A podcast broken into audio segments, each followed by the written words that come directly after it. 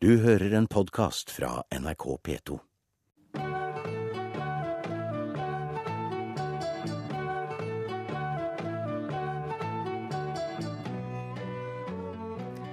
Ja, dette er kjente toner fra barn i alle aldre som har sett Albert Aaberg på barne-TV.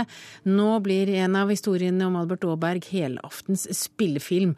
Og damen som regisserer er Toril Kove, Norges eneste nålevende Oscar-vinner. I 2007 fikk hun Oscar for animasjonsfilmen Den danske dikteren. I 2000 ble hun nominert til Oscar for filmen Min bestemor strøk kongens skjorter. Men eh, Toril Kove, nå altså Albert Aaberg. Hvorfor det? Det er et oppdrag. Eh, det er et regioppdrag. Og det er en film som er, eh, er produsert eh, av norske, et norsk, dansk og svensk produksjonsselskap. Og det er, det er en historie basert på en av Gunilla Bergstrøms fortellinger. 'Hokus pokus Albert Aaberg' heter historien.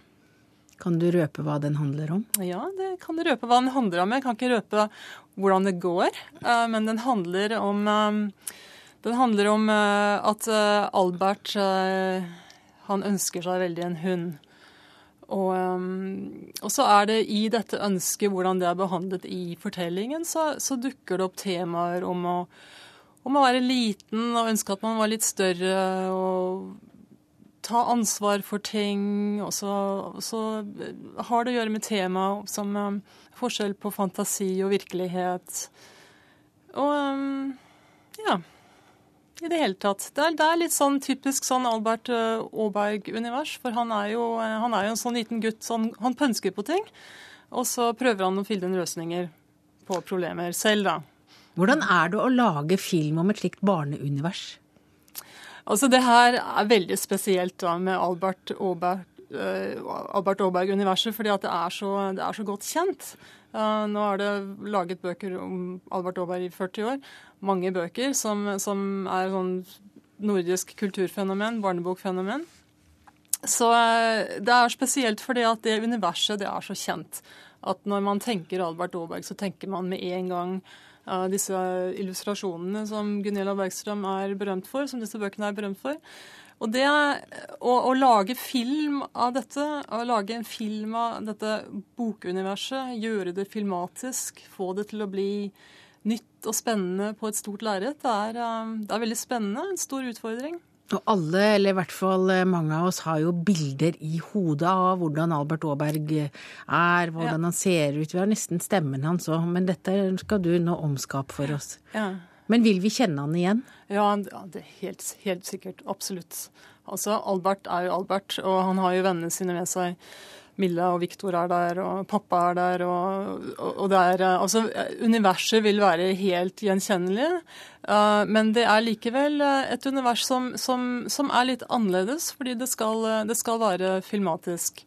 Og bøkene er jo um, sånn, veldig sånn karakteristiske, ganske flate i uttrykket. Og de bruker veldig mye kollasj.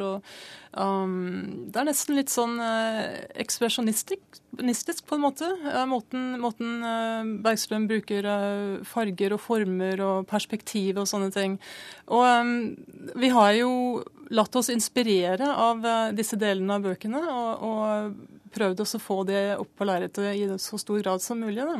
Men det er, det er, helt sikkert at folk vil kjenne seg igjen. Det har vært et av de store målene våre, og det syns jeg vi har fått til. Ja. ja hvem skal gi stemme til Albert Aaberg?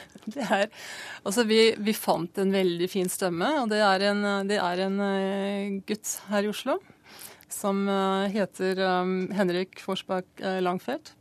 Um, og han har, en, han har en helt flott stemme. Han bare, han bare er Albert, syns vi. Så har forfatteren eh, sett, eh, eller fulgt med på prosjektet? Ja, det har hun. Altså, hun har jo eh, fulgt med veldig tett med på manus, og så har hun, hun har godtatt karakterene. Altså Alle karakterene er jo basert veldig tett på karakterene fra bøkene, men, men det er jo også en annen ting med animasjonsfilm, at de må på en måte tegnes og formes på en måte som, som gjør at de lar seg animere. da. Eh, så um, hun har vært med på det, eller hatt kontroll på det, og så har hun sett hvordan ting etter hvert begynner å se ut i bakgrunner. Um, så hun har fulgt med på det også, og har vært positiv. Toril Kove, du har altså fått én Oscar, og du er blitt nominert til Oscar annen, for eh, enda flere år siden. Mm. Betyr det noe for hvor lett det er for deg å få oppdrag å lage animasjonsfilmer? Ja, si det. Det er et sånt spørsmål som jeg kvier meg litt for å svare på, for det, det er sånn um, Jeg vet jo ikke hva folk tenker.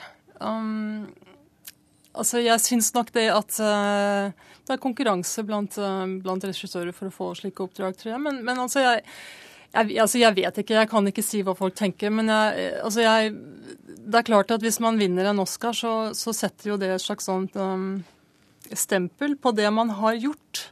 Ikke nødvendigvis på det man gjør i framtiden. Det er sånn som man må bare vise at man, eh, at man kan, for å si det sånn. Men kjenner du forpliktelsen til å lage en bra film, eh, og at forhåpningene eller forventningene ligger der?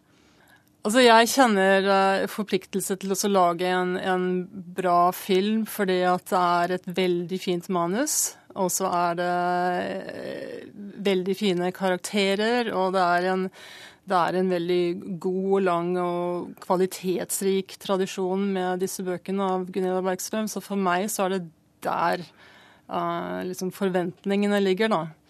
Uh, og ikke, ikke så mye på grunn av ting jeg har gjort før. Du har hørt en podkast fra NRK P2.